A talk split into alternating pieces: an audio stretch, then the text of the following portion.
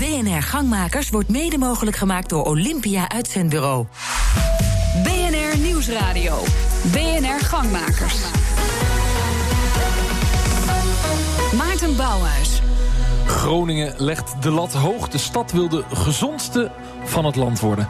Welkom bij Gangmakers, het debatprogramma van BNR voor en door ondernemers. Vandaag de gast bij een netwerkbijeenkomst van Martini in Business. BNR Gangmakers komt vandaag uit Groningen. Maar wanneer het doel bereikt moet zijn, dat wil de wethouder niet zeggen. Wel de ambitie, wat die dan precies inhoudt. En dat gaan wij ook stevig onderzoeken in deze uitzending. Het klinkt in ieder geval allemaal vrij fors. Hoe ver wil die wethouder nou gaan met zijn ambitie? Stelling 1. Roken op straat moet in heel Groningen verboden worden. Ik stel mijn gasten aan u voor. En jongens, geef direct aan of je het eens of oneens bent met de stelling. Dan praten we daarna verder. Uh, Matthias Gijsbertsen, wethouder, dus uh, voorstander van de plannen van de gezondste stad van Nederland.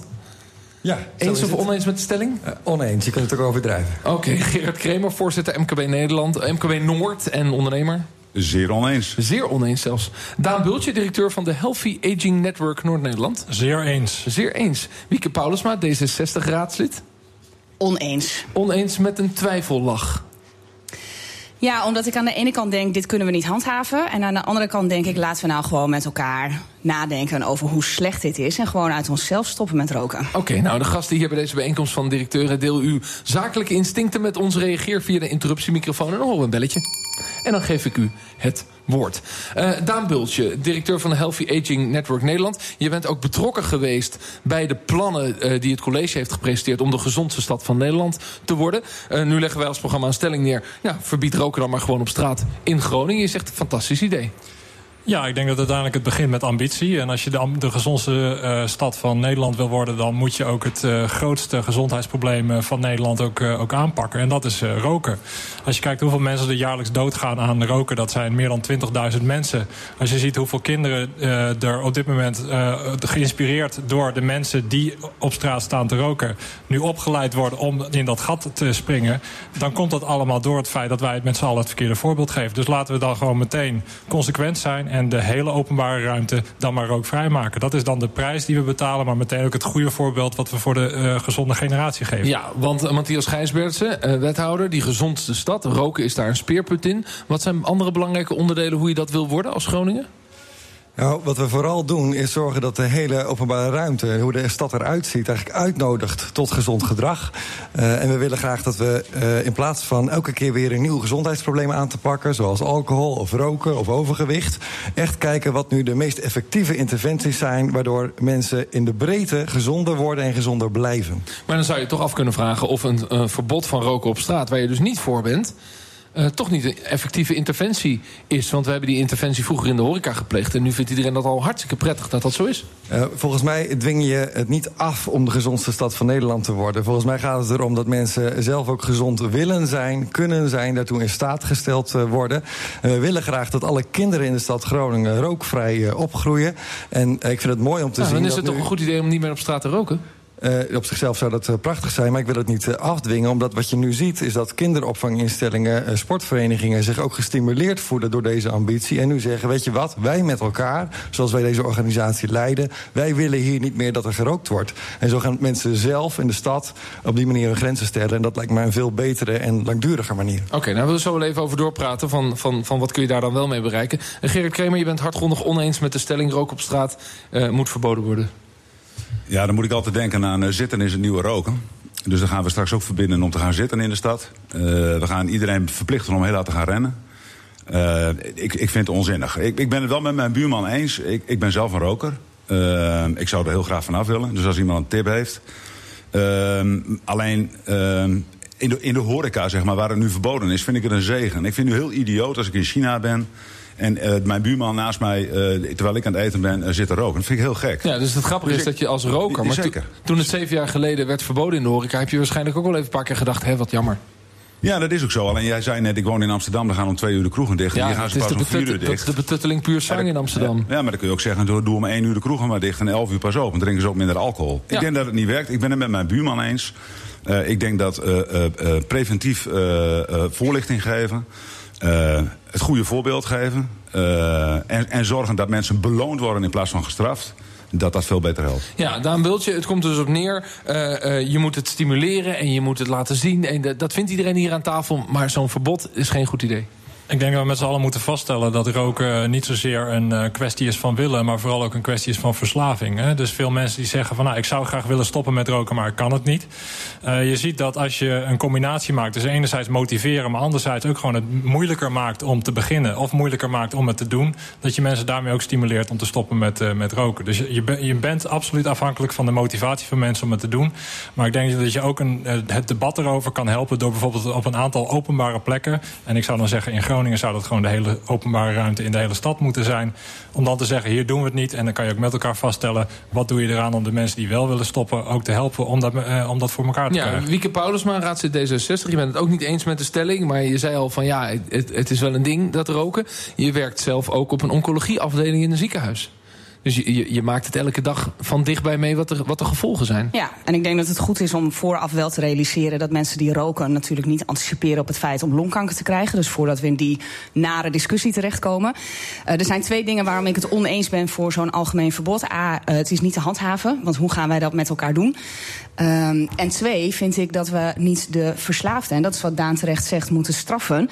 Uh, maar volgens mij moeten wij wat doen aan de lobby en aan de verkoop en aan de toegankelijkheid. Ah. Uh, want dat is wat verslaving uh, faciliteert. Maar zou je dan willen dat er bijvoorbeeld in heel Groningen veel minder verkocht wordt aan, aan sigaretten? Ik zou een voorstander zijn om daar actief op in te zetten. En niet continu de vinger te wijzen naar iemand die al kampt met een verslaving, maar te kijken hoe we in... dat. Ja, interruptie. Zegt u maar, wie bent u? Jeroen Sprangers, Rijnadvocaten. Dag Jeroen. Ik vind het natuurlijk ook een hele moeilijke discussie... maar volgens mij moet je echt focussen op het ambitieniveau. Ik maak me er hard voor dat we over 30 jaar terugkijken en zeggen... wat idioot dat wij toen nog in het openbaar rookten op straat. En een verbod is natuurlijk best deels te handhaven. Je kan rookplekken, we hebben parkeerplekken, we hebben andere plekken. Je kan rookplekken inrichten. Uiteindelijk mogen we eigenlijk ook niet drinken op straat. Net hè? zoals op het station. Op het station heb je, ook, heb je ook rookplekken en de rest van het station is ja. rookvrij. Ja. Dat vinden we nu ook heel prettig. En we irriteren ons eraan als iemand niet bij zo'n paal gaat staan. Ja, dus ik vind het eigenlijk heel logisch dat we het debat... dat doen we dus nu al, al aangaan... maar dat we ook gewoon een stap gaan zetten om het meer en meer te gaan verbieden. Ja, en dat is dus de zoektocht. Hè, want mijn stelling is inderdaad radicaal. Dankjewel. Uh, een mooie extra interruptie. De zoektocht is natuurlijk... Wat, wat kan er wel in dit ambitieniveau... wat je dan toch kunt afdwingen? Ik Wat vind denk dat jij, wij de ambitie moeten stellen dat wij een rookvrije generatie gaan laten opgroeien. Ja, maar dat is de ambitie. En daar Maar hebben- hoe dan? Nou, heel concreet. Wij hebben een voorstel ingediend voor rookvrije speeltuinen. Omdat we gezegd hebben, laten we nou op die plekken beginnen... waar kinderen het van ons afzien. Ja, oké. dus maar- laten we maar- maar- stoppen met roken in speeltuinen, sportvelden en Ja, schoolpleinen. Matthias Gijsbertsen, het roept dus de vraag op... kun je eh, openbare ruimtes aanwijzen... waar je verder wil gaan dan dat stimuleren wat je eerder al zei... maar waar je wel een eh, lokaal verbod gaat neerleggen? Ik denk dat je dat altijd moet doen in combinatie met de mensen die gebruik maken van die plek. Dus ik ben er heel erg voor, eh, ook zoals de inspreker net eh, zei, om te kijken of je dat steeds verder kunt uitbreiden. Dus begin inderdaad waar eh, de kinderen zijn. Kinderopvang doet al mee, sportverenigingen doen al steeds vaker mee. Speeltuinen vind ik ook heel terecht om daarnaar te kijken, bijvoorbeeld speeltuinverenigingen. En ik denk dat we op die manier steeds dichterbij een eh, stad komen waarin roken gewoon veel minder zichtbaar is. En er hoort ook bij dat je ook bij winkels eh, de discussie aangaat over eh, hoe zichtbaar maak je het roken in de openbare ruimte. Begrijp al die dingen, maar zou het dan toch niet een goed idee zijn... ehm, om te zeggen in een aantal winkelstraten... waar mensen het fijn vinden om te lopen en te zijn... daar ga ik ook beginnen. Dan ga ik gewoon zeggen, het is gewoon een, dit is een rookvrije winkelstraat. Laten we beginnen met de afspraak voor Sesamstraat, niet roken op straat. Nou ja, dan, eh, dan hebben we het al. Hè? Ja, heb- Dat is heel goed idee. Er is één probleem. Sesamstraat Sesamstraat wordt niet meer op lineaire televisie ja. uitgezonden. Toen ik, toen ik het zei, dacht ik al, je gaat iets mis. Ja, maar het idee is een goed idee. Want Sesamstraat kijken kinderen eh, via Netflix, I don't know, om, om half zeven. Gerard? Nou, wat ik nu ga zeggen moet je even niet beluisteren als eh, degene die rookt aan tafel Nee, iets zegt. nee, Eh, wat- even los daarvan. Maar we hebben zes stellingen. We hebben een half uur. We praten nu tien minuten over roken. Ja. Het Ja. is wel heel gemakkelijk om eh, roken zeg maar te adresseren, omdat roken zichtbaar is. Wat niet zichtbaar is, als iemand dik is, dan kan hij een schildklierziekte hebben waardoor hij dik is. Kan hij niks aan doen. Maar het kan ook zijn dat het slechte eetgewoonte is. En wij weten dat wij als provincie Groningen een heel hoog percentage obesitas hebben. Eh, we weten ook dat we te weinig bewegen, wat ook een, een oorzaak is van obesitas. Nu praten we al 10 minuten, terwijl we eigenlijk helemaal geen 10 minuten hebben over roken. En dat vind ik een beetje jammer. Dat maakt de, de discussie ook een beetje eenzijdig, als ik heel eerlijk ben. Ja, begrijp ik. Maar we hebben het over roken, omdat bijvoorbeeld ook het KWF zegt... van alle dingen die je zou kunnen bekijken... kun je het makkelijkste focussen op roken... omdat daar relatief veel winst te behalen is. En je zegt het zelf ook, het is ook, het is ook goed te controleren. En het is ook duidelijk aanwijsbaar dat het, dat het slecht is. Maar Daan van Healthy Aging, ben je het eens met Gerard... zijn, zijn kritiek eigenlijk op die insteek? Nou, ik denk dat er natuurlijk, als het gaat om gedrag... zijn er een aantal factoren die maken dat we gezondheidsproblemen hebben. Maar ik denk wel dat het, uh, je kan zeggen het is makkelijk...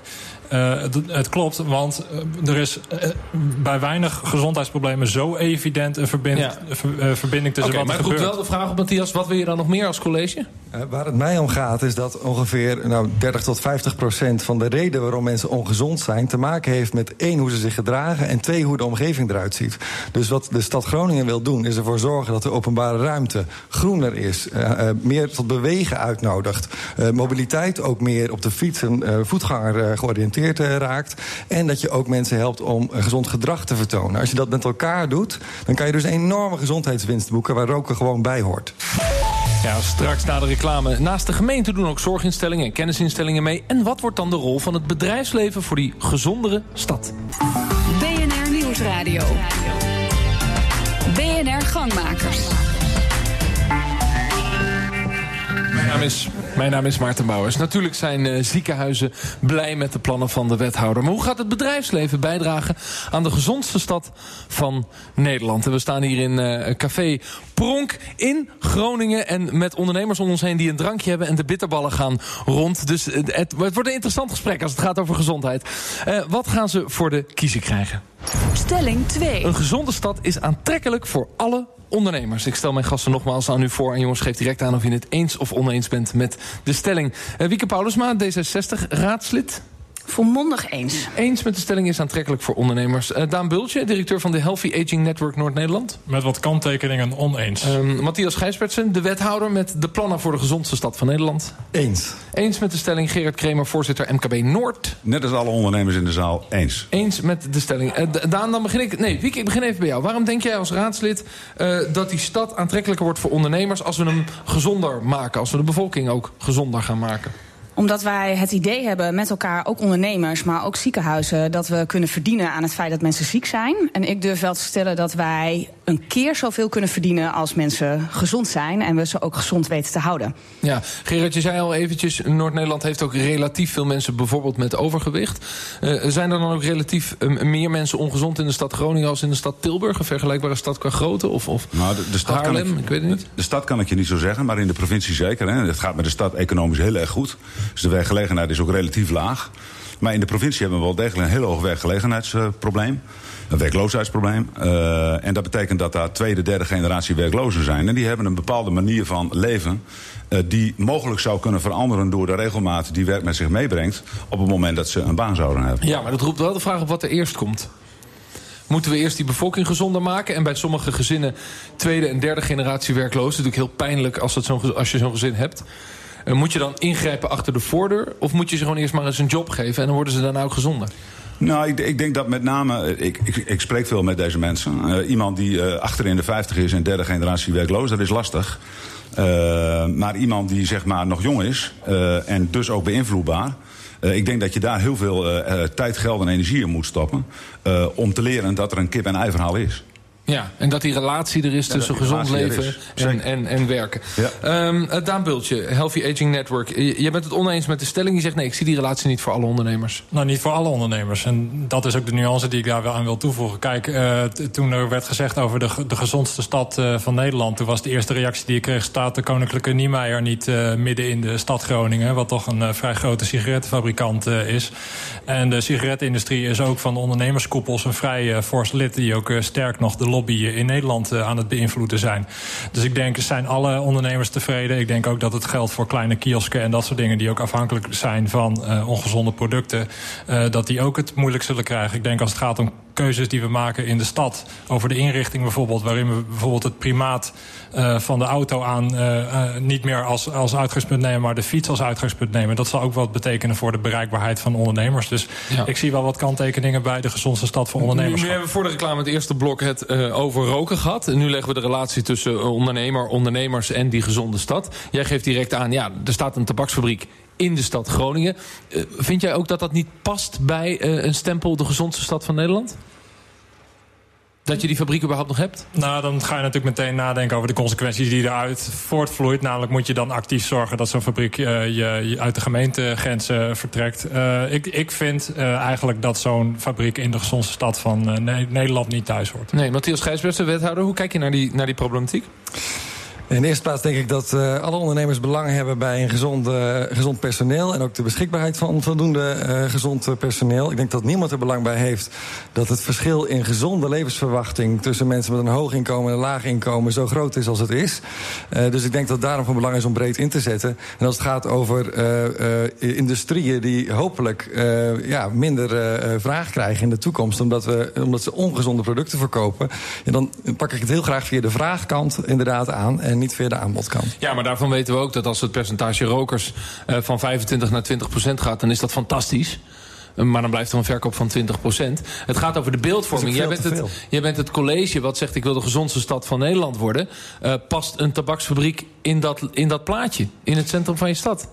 Ja, uiteindelijk, kijk, uh, dit is niet een soort uh, utopia wat we maken. Hè? Dus uh, wat we zeggen is, we zorgen ervoor dat de stad Groningen voorop loopt in Nederland... om echt gezonde stadsontwikkeling vorm te geven. Want alle steden in Nederland worstelen hiermee. Hè? Steden worden groter, er is steeds minder ruimte. hoe zorg je ervoor dat mensen nog steeds gezond kunnen leven... in een hele compacte stad met veel mensen? En Groningen zegt, wij maken daar stevige keuzes in... om die openbare ruimte anders vorm te gaan Oké, okay, duidelijk. Gerrit Kremer, MKB Noord. Weet je wat we aan de, aan de discussie even toe moeten voegen? Dat Groningen is eigenlijk een hele unieke stad. Uh, sowieso is het een van de mooiste steden en de kroegen zijn langs te open. Maar wat veel belangrijker is, is wij hebben 55.000 studenten. Groningen is relatief gezien de jongste stad van Europa. Dus als er ergens een stad is waar je in de preventieve sfeer heel veel kan doen, is het uitgerekend in deze stad. En dan hebben we ook nog hele grote HBO- en universitaire opleidingen. Uh, waar, waarvan je aan mag nemen dat deze mensen ook ambassadeur zouden kunnen zijn van uh, die gezondheidscultuur die we gaan nu, ontwikkelen. Nu heeft Matthias het net gehad over de kloof tussen, laten we zeggen, de laagste sociale klasse en de hoogste sociale klasse in uh, moment van overlijden. Dat is landelijk gezien ongeveer 12 jaar. Dat verschil, dat is natuurlijk enorm. Um, die groep studenten die je nu aanduidt, daarvan zal het grootste groep, laten we zeggen, in de, in de positieve kant terechtkomen. In de hoge sociale klasse die relatief gemiddeld oud worden. De groep mensen uh, die in een aantal wijken woont, die aan de andere kant van die medaille zitten, dat is natuurlijk de groep mensen die je zou willen opkrikken op het moment dat je die stad gezonder moet maken. Voor hun maakt het toch eigenlijk niet uit dat het een studentenstad is. Dat is die lage sociale klasse, die heeft Nee. daar toch heel weinig binding mee. Nee, maar, maar wat ik eigenlijk bedoel is... op het moment dat je als uh, Groningen uh, de ambitie uitspreekt... dat je de gezondste stad wil zijn... dan maakt het een heel verschil of uh, 30% van je, van je bevolking... Uh, werkloos is uh, en kansarm is en daardoor in de problemen zit. Of dat je 55.000 jonge mensen hebt die in de bloei van hun leven staan... die ambitie hebben, die uitstraling hebben enzovoort enzovoort. En je, en je daarmee iets kan betekenen. Dat kan ook een effect hebben op de omgeving. Ja, Wiki Paulusma, je staat steeds te knikken. Maar Ja, ik zit ik me af vind te het- vragen, nou ja of nee knikt. Nou, ik vind het te makkelijk.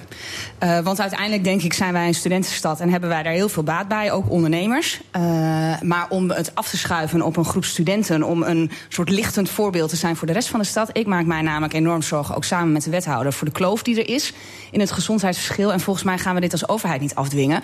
Maar moeten wij hier met elkaar zeggen, daar zijn wij gezamenlijk verantwoordelijk voor.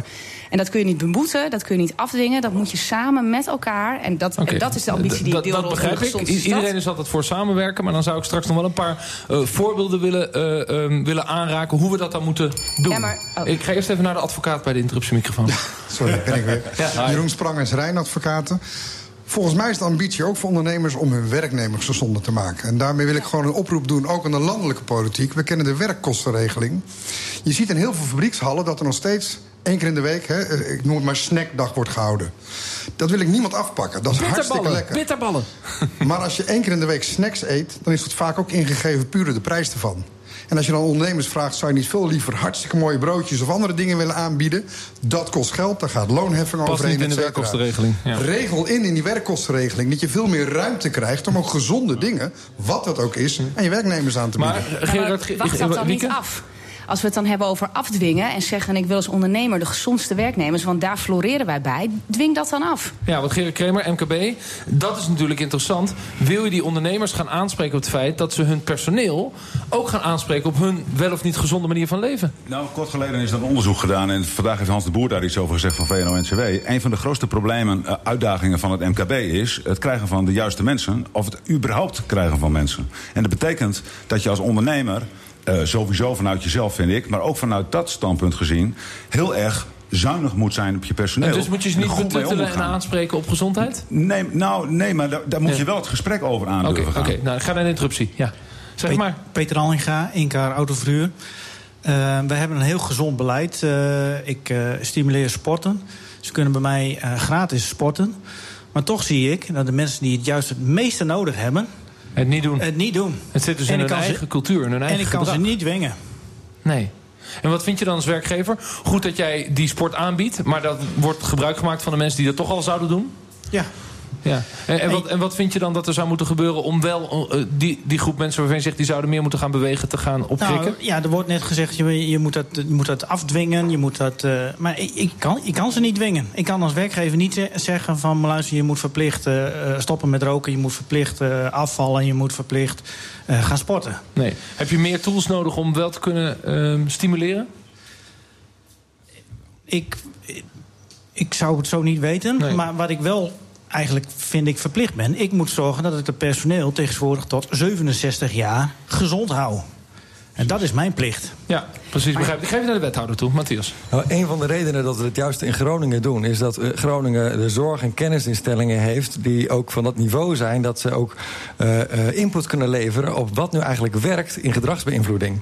En een van de dingen die we met het project doen... is eh, dus ophalen wat werkt nu. Niet alleen in Groningen, maar ook in de rest van Nederland... in de rest van Europa en ook in je bedrijf. Want je kunt maar tot zover gaan als ondernemer. Maar En is, ik hoop is dat die kennisinstellingen ons daarbij helpen. Dat begrijp ik. Maar is een, is een van de conclusies van wat die kennisinstellingen tegen jou zeggen...